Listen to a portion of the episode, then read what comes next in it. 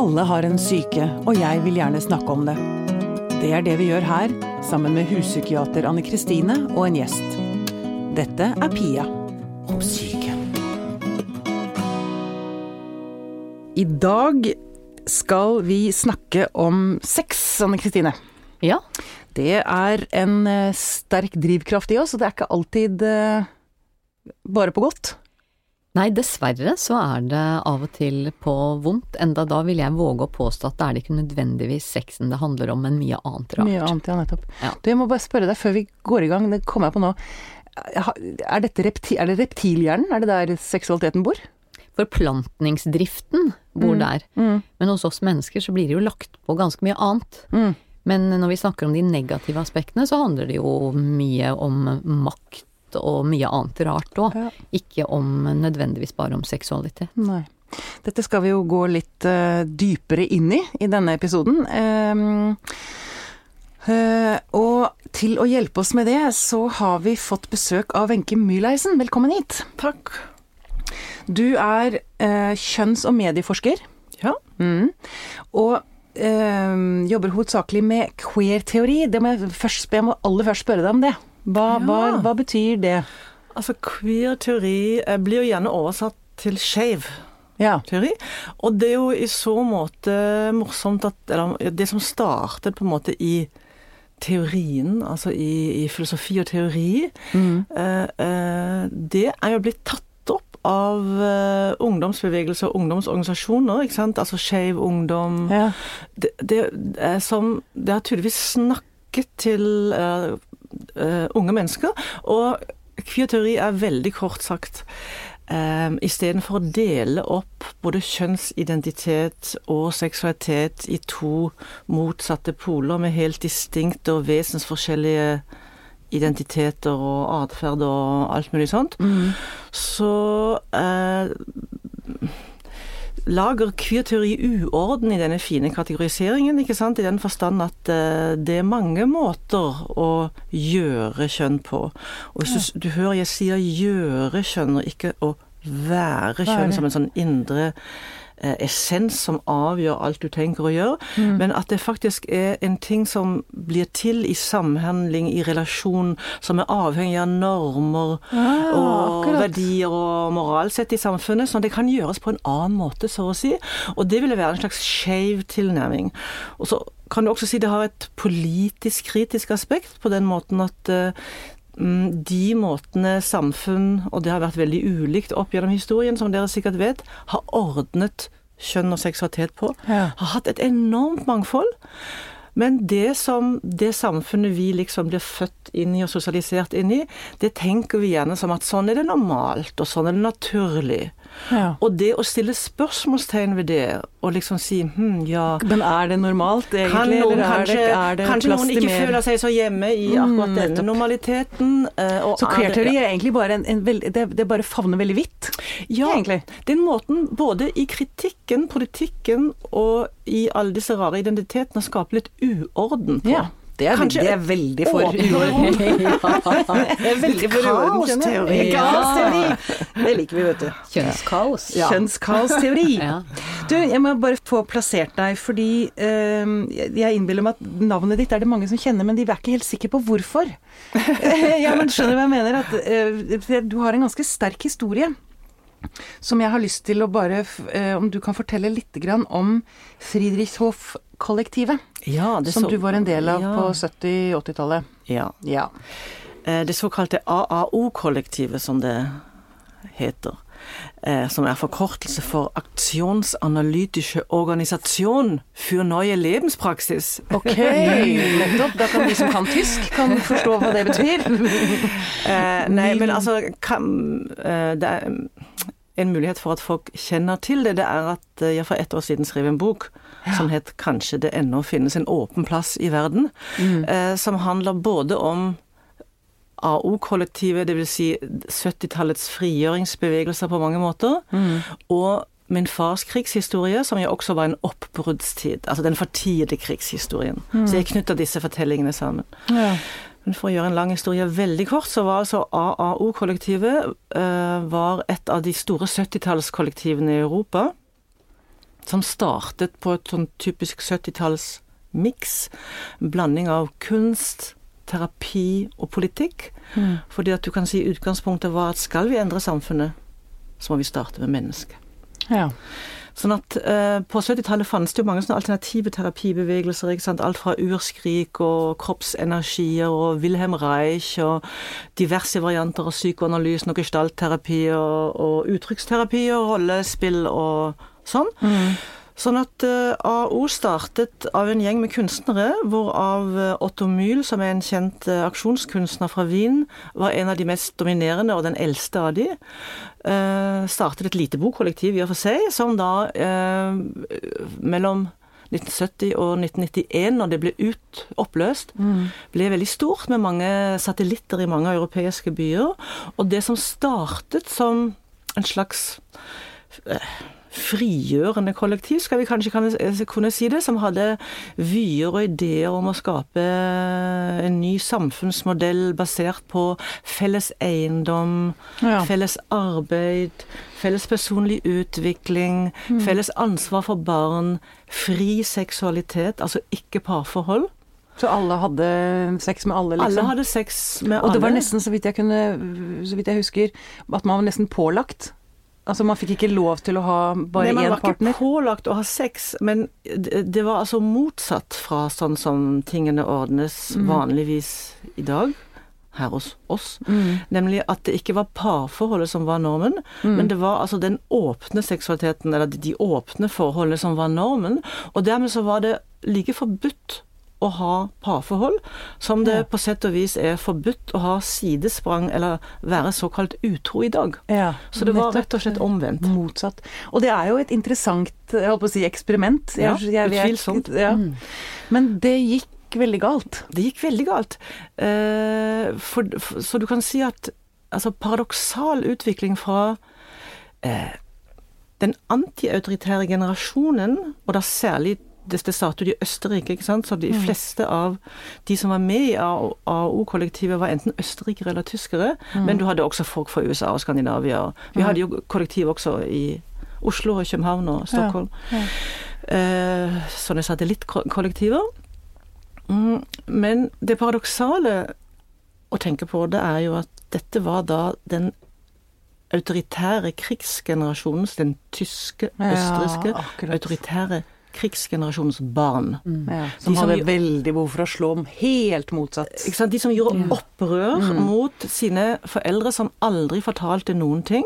Som bare sa ja, ja, det var Hitler og disse nazistene, mens vi gjorde bare det vi dessverre måtte gjøre. Ja. End of story. Mm.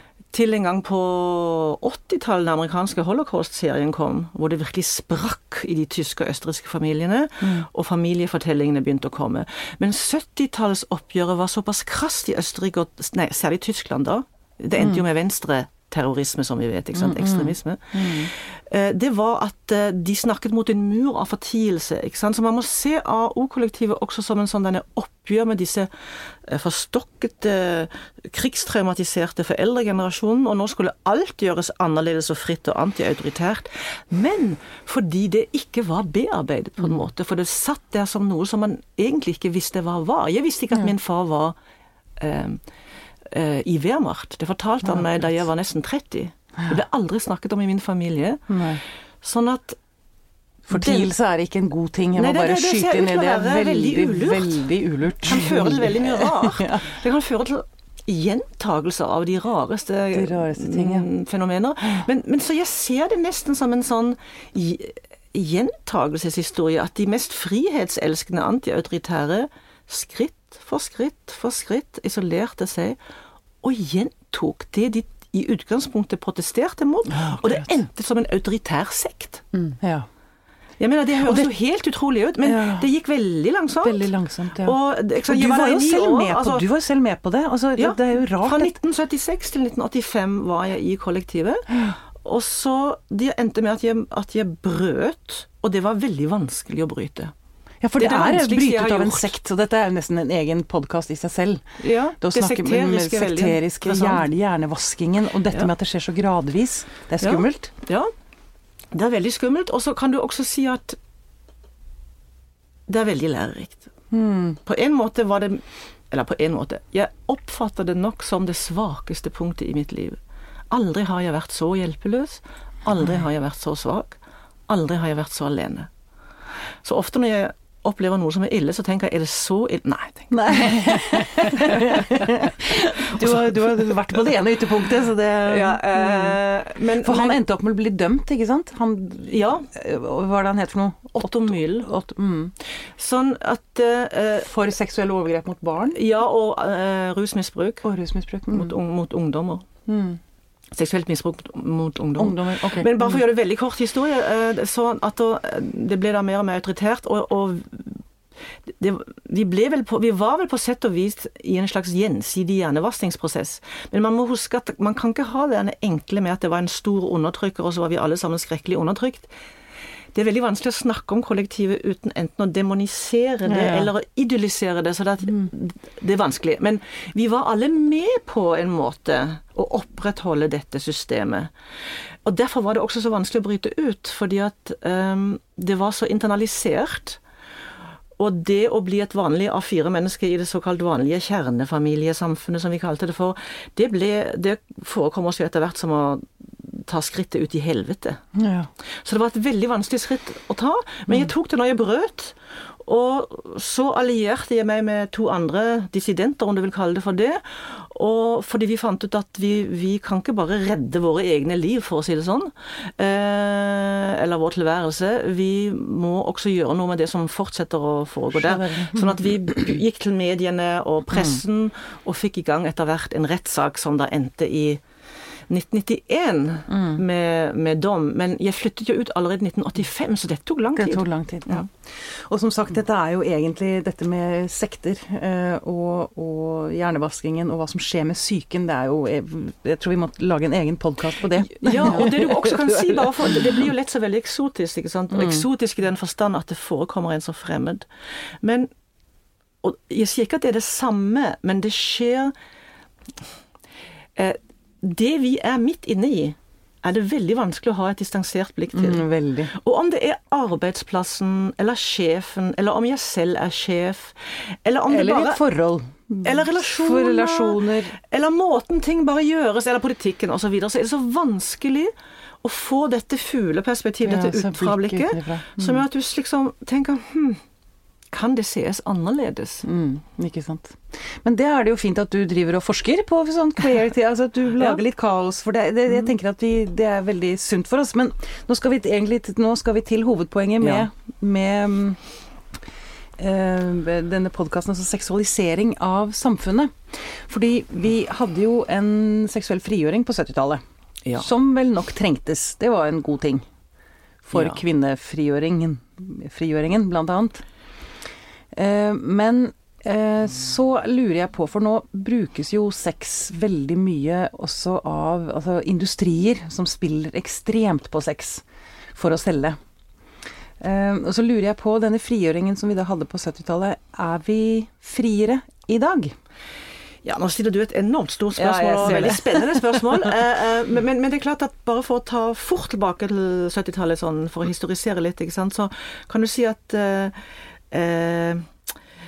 den såkalte seksuelle frigjøringen, som altså både feminister, eh, folk på venstresiden, homoseksuelle, lesbiske, eh, den svarte bevegelsen sto for som en sånn, et sånt oppgjør med eh, autoritære samfunnsstrukturer, eh, konforme eller repressive eller Ja. undertrykkende, hva du skal si, samfunnsstrukturer, eh, det førte jo til eh, noe som vi lever helt nært med våre liv i dag. Eksempel eh, det er relativt vanlig i Norge i dag at i hvert fall yngre fedre også har omsorg, konkret praktisk omsorg for sine barn, er hjemme med sine barn. Eh, Det, er, det har gått på veldig kort tid. På noen få tiår jobber de fleste kvinner. De fleste kvinner forsørger seg selv, eller er med å forsørge familien sin. Det er selvsagt at vi kan ha en kvinnelig finansminister og statsminister osv. Og, mm. og det er jo blitt en slags normal, men det har gått veldig fort. Ja. Hvis du går noen få tiår tilbake, så du, vi ville ikke ha kjent oss igjen, så å si. Nei. Sånn at det jeg egentlig vil si, det er at det er noen goder som vi skal være veldig glade for. Eh, vi skal være veldig glade for at kvinner også er seksuelle subjekter. At de eier sin egen seksualitet og kropp. At det er selvsagt at de eh, kan være frie seksuelle individer, i en viss forstand i hvert fall. Og så er det selvfølgelig utrolig mange strukturer som fremdeles henger igjen. Hvis du ser på voldtektsstatistikk og trakassering og Hvis du går i de store maktfeltene som militær og finans og sånn, så er det veldig få kvinner. Så det er, det er ikke sånn at alt er på noen måte perfekt. Men på en måte, der er vi liksom i dag. Og så får vi vel den situasjonen som du beskriver, at fra å være et frigjøringsprosjekt, et politisk prosjekt med konsekvenser for det personlige og det private, så har seksualitet blitt en slags vare. Ja. Og det er jo veldig rart. For et sånt 70-tallssinn. Hvis man kunne tenke seg et 70-tallsmenneske som plutselig så frem til i dag, ville liksom klø seg i hodet og tenke Oi, Den så vi ikke komme. dette var overraskende. eh, oi, liksom. Fra at seksualitet var det var ikke tabu, men det var altså omgitt av langt flere Ja, restriksjoner og reguleringer, ikke sant. Ja. Hvis vi da Jeg tenker at det, er, det skjer jo gode ting. Hvis du tenker på ren altså ikke, det politiske, men rent det seksuelle, sånn som at vi har programmer som Juntafil. Hva sa du vi har? I- Programmer som Juntafil Ja, tenker ja. jeg jo Det er jo på mange måter Altså det er en god ting for unge, og eldre også, i og for seg, at det snakkes om. Mm. Eh, at det ikke blir undertrykket igjen. ikke sant? Vi ser jo hva undertrykking mm. gjør med, med et menneskesinn. Eh, Anne Kristine, jeg har lyst til å bare få inn deg også i, i samtalen her. Det som er eh, interessant, eh, er jo at når man frigjør seg fra noe, hva frigjør man seg til? Ja. Og det er jo det som i hvert fall jeg ser på nå, at er dagens ungdom frigjort? Eller er det, altså betaler de en, en pris for den prosessen som har vært? Fordi at når vi ser nå de diskusjonene som var rundt russetida, alle disse sangene, så Ja, er det en objektivisering av kvinner. og Den er på en helt annen måte enn den var før. Men jeg vet ikke om unge jenter i dag egentlig er frie i sin seksualitet. Altså, dette er jo veldig Det er fryktelig vanskelig hva vi sier, fordi at jeg tror ikke det eksisterer noen fri seksualitet. Hva i all verden skulle det være? Fordi at seksualiteten er jo bare en del av alle de andre tingene vi gjør og Ja. kan gjøre. Og det, eh, mennesker vil, så lenge sivilisasjoner eksisterer, alltid leve i en form for sivilisasjon. Sivilisasjon, samfunn, samfunnsform. Og sånn sett vil seksualiteten, akkurat som eh, måten vi spiser på, eller måten vi utdanner oss på, vil være eh, kulturelt Ja. verdier og normer og sånn. Så sånn sett så er jo selvfølgelig ikke dagens ungdom frie.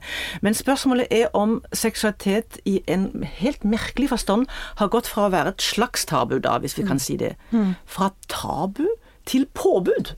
Ja, ikke sant? Da Da blir det veldig merkelig. Da blir det veldig merkelig. Da blir det veldig merkelig, for da blir det liksom plutselig bare som å ta tran. Ja. Eller trene. Ja, for du skal være Du skal Du skal, liksom- teste alt mulig før du har ja. fylt 18, nærmest. Ja. Skal liksom gjøre lekser, og skal du ta tran, og så skal du trene, og så skal du liksom også på en måte prestere der, og du skal, ha, du skal få anerkjennelse for det, du skal bestå i det sosiale. Ja.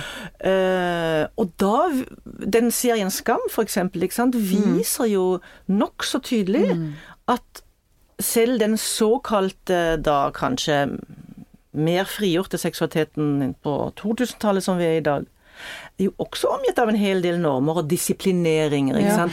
Altså, For jeg syns det, det er skummelt når jeg hører om at unge jenter begynner å barbere seg.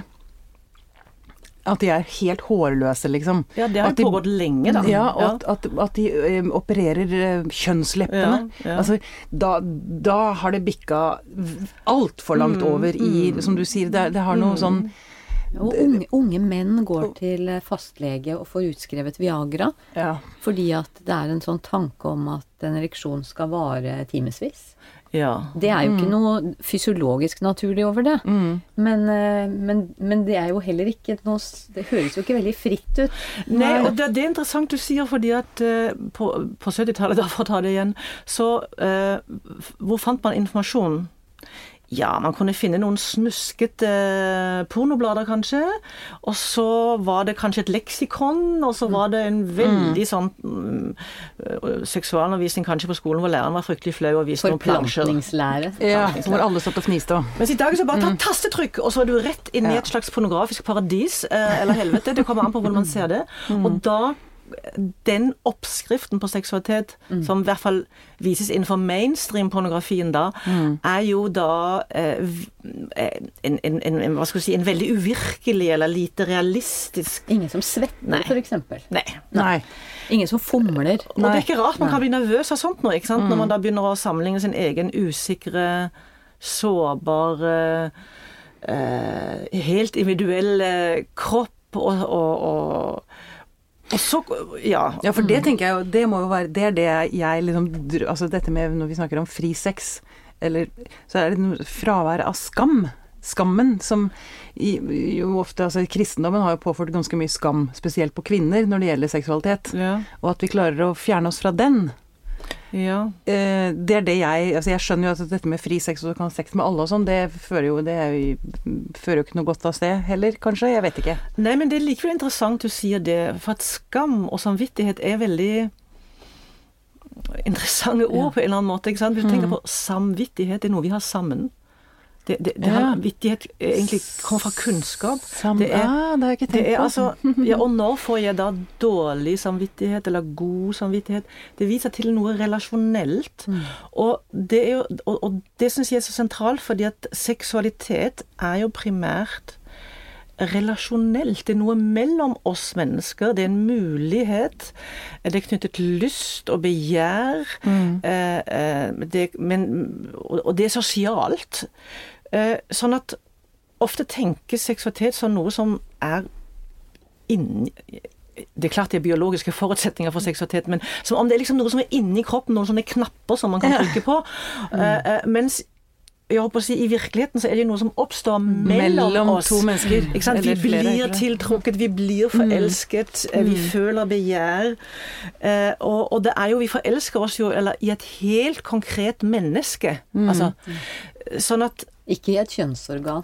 Nei, ikke sant? Eller i, eh, Ja, eller fordi det trykkes på en knapp. Nei. Eh, sånn at hele det der sosiale aspektet ved seksualiteten er på en måte litt sånn underbelyst, nesten. Ja. Eh, og jeg tenker også at det snakkes om det, det, liksom, det snakkes om seksualitet ofte som om det er det aller innerste. Forstår du? Det er liksom Ja. Det er liksom eh, Det mest intime, det næreste, Ja, det- det det mm. innerste. Og det kan det jo være på en måte, men på en annen måte så er det egentlig mer noe mellom oss. ja. Det er, liksom, det er noe som skjer mellom oss. Vi har selvfølgelig kapasiteten til det, men, men, men, men det er noe som skjer mellom oss. Um, ja. Ja, um, men hva tenker du om bare trekke tilbake til det du snakket Ja. om uh, utroskap? Sånn som du sier, altså, det er jo noe som ikke er lov i dag. Altså, det var I motsetning til dette kollektivet. Dette med at det oppstår tenning mellom to mennesker. Altså dette med monogami. Eh, ikke sant? At man sier at man skal bo sammen med ett menneske resten av livet. Mm. Er det en Jeg holdt på å si nå spør jeg bare mm. Er, dette, er det en, en menneskelig eh, er, er det sånn vi er skapt? Eller er det noe vi er ska, som er kulturelt? Ja, det, er, det kommer an på hvem du spør. Spør du da en veldig hardnakket evolusjonspsykolog eh, eller eh, sånn bio, biologistisk anlagt forsker, så vil de si ja, det henger sammen med menneskets evolusjon, og det var antageligvis lurest, og de, at de liksom, det var to som tok seg av avkommet. Men spør du en antropolog, så vil han si ja, men dette er blitt ordnet så mangfoldig opp gjennom historien at det, at, at, at det man egentlig kan si, det er at dette kan ordnes på veldig ulike måter. Og det er historisk sett blitt ordnet på veldig ulike måter. Og det gjør det fremdeles. Ja. Altså vi skal ikke Vi skal veldig Ulike kulturer og ja, vi skal ikke veldig langt før man tenker veldig ulikt enn det vi tenker er det, det normale og det riktige og det naturlige. Eh, Sånn at det, det, det finnes ingen fasit på de tingene. De er i endring, har alltid vært i endring, og kan veldig plutselig endre seg igjen. Bare tenk på det amerikanske presidentvalget, hvor det plutselig tilsynelatende er helt normalt og legitimt. For en presidentkandidat.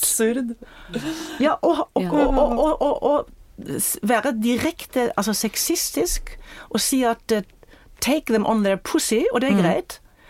Sånn at dette, disse, Ja. dette kan endre seg. Hvordan, hvem som eier kvinners kropper, og hvilket, hvilke, hvilke verdier vi har i forhold til det. Mm. så så det, ligger ikke, det ligger rett og slett ikke fast. Nei. Selv om vi, vi liker å tro det. Vi- Vi, vi, kom, vi kommer ikke til verden med en sånn vaskeanvisning som du kan kikke bak i nakken og se hvordan var det vi skulle gjøre det. Nei. Sånn at mye av det altså mye av det som du snakker om der med hvordan man organiserer det, det er jo mer den derre praktiske biten for å holde, si, holde orden i et samfunn, eller orden på kvinnen, eller Altså, man må jo ordne ting. Om det så er at vi har penger og betaler i butikken fordi at det har man funnet ut. Så det er jo, det er jo sånn forsøk på å skape struktur. Mm. Fordi at de som har prøvd seg på anarki, har jo funnet ut at det går veldig dårlig. Ja, det kan du si. Og når, du, når vi snakker om det med liksom fri Altså eh, forsøket på frigjøring fra 70-tallet, og hvordan er det i dag, spør du, ikke sant, så kan du si at ja. eh, Et, et, et, et 70-tallsmenneske ville også bli veldig forundret, tror jeg. eh, Med tanken på at det som da var tenkt da, eller visjonene var da en større frihet i forhold til eh, seksualitet og seksuelle identiteter. Men så kan det jo se ut som om at eh, eksempel eh, den kjønnsnøytrale ekteskapsloven Mm. at, og det er, jo veldig, det, det er jo utvilsomt veldig fint at alle har rett til å inngå ekteskap og samliv, har de samme rettighetene og pliktene. Mm. Så det må man jo se som et anse som et frem, I hvert fall ville jeg anse det som et fremskritt. Mm. Men samtidig er det noe med at det er som om bare én måte å leve på er blitt alles mal. Altså, Altså at man er to. ja, det ikke, er det du- ja, både at man er to og liksom Du vet, det, det Skal formalisere det. Skal formaliseres. du, ja, og hva- liksom at idealet er på en måte veldig like liv, mens um, for eksempel altså den homoseksuelle bevegelsen på 60- og 70-tallet, de ønsket ikke å få lov å gifte seg nødvendigvis. De ønsket en større variasjon av måter å leve på. Ja. Skulle anerkjennes. Nettopp. Sånn at, sånn at uh, det kan se ut at at disiplineringen, ikke bare av seksualiteten nødvendigvis, men liksom av livene allment, er blitt ganske sånn teite. Altså s, s, teite rammer. Normen. Ja, for hva som liksom er et godt liv. Hva er det gode liv? Ja. Normen inkluderer fler, men den er ikke blitt noe annerledes, Ja, egentlig. Ja, den- den, det ville vært, ville vært litt Jeg merker at jeg hadde blitt litt sjokkert hvis jeg hadde truffet en som sa at ja, jeg har tre kvinnelige samboere, liksom, som jeg deler på. Altså sånn harem, eller motsatt. Jeg har tre menn. Mm, Som, Det er interessant, fordi at det nyeste skuddet på stammen av sånne rettighets- eller kanskje kalle det for frigjøringsbevegelser, eller seksuelle øhm, bevegelser, de er jo basert på polyam, polyamori, som da nettopp er et ønske om at det skal bli anerkjent at man eh, kan ha ansvarsfulle kjærlighetsforhold og seksuelle relasjoner til flere. flere, ja. Mm. Jeg vet ikke hvordan det går med dem, men, de, men det er en et vestlig fenomen, kan du si. Ja, ja. Og det er vel kanskje naturlig at det kommer. Altså, vi, det, vi, vi utvikler oss, og vi holder på, vi går videre og Alt ettersom samfunnet utvikler seg. Ja. Men det jeg har lyst til å spørre deg litt også om dette med sex i media, eller hvordan ja. em, industrier misbruker, må jeg vel nesten si, Ja. seksualiteten for å selge mer. Ja. Det er, tenker jeg er veldig, veldig usunt. Um, ja, vet du hva, det er et, også et interessant spørsmål. For at på en måte sier du at kapitalismen er nært knyttet, ikke sant. Altså forbrukerkulturen, kapitalismen det er en drivkraft de Ja. vet å utnytte, liksom. Ja, og, men, men, men rent historisk sett så kan du si at forbrukerkulturen og kapitalismen var altså, La meg si det sånn. Kapitalismen, det kommersielle, forbrukerkulturen har en ekstrem god nese for nye forskjeller og det nye som skjer. Ja. Det, altså, hvorfor det? Jo, for da kan man knytte nye eh, varer, nye eh, ting, nye opplevelser, ikke sant? Eh, og, og selge det, selvsagt. Så sånn sett kan du si at forbrukerkulturen har f.eks.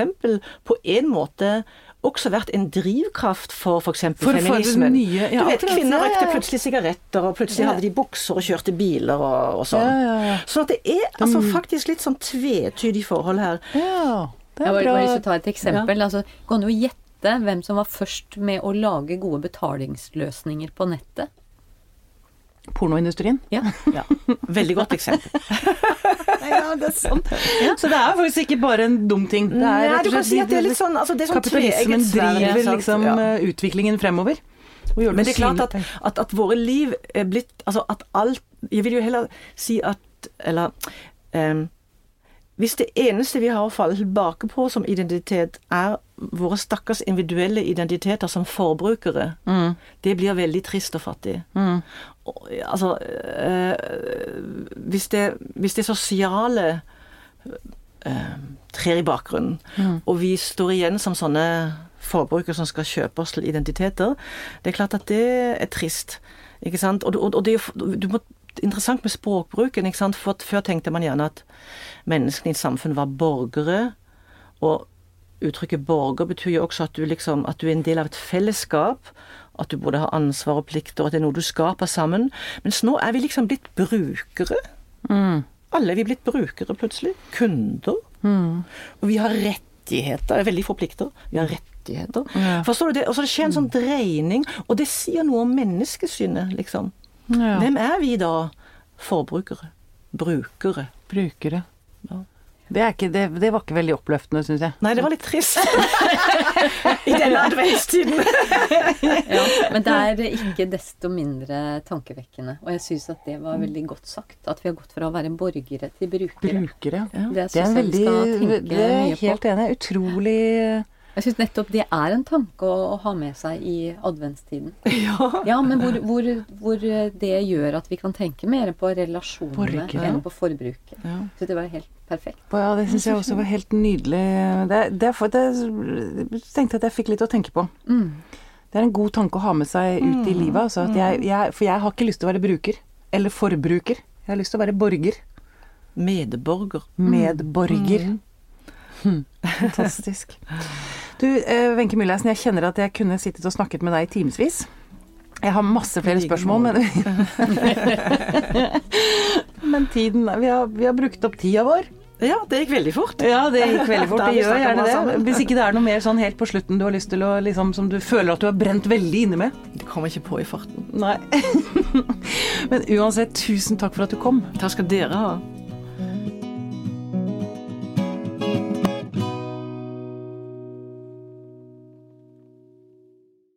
Denne podkasten er produsert av Tid og Lyst.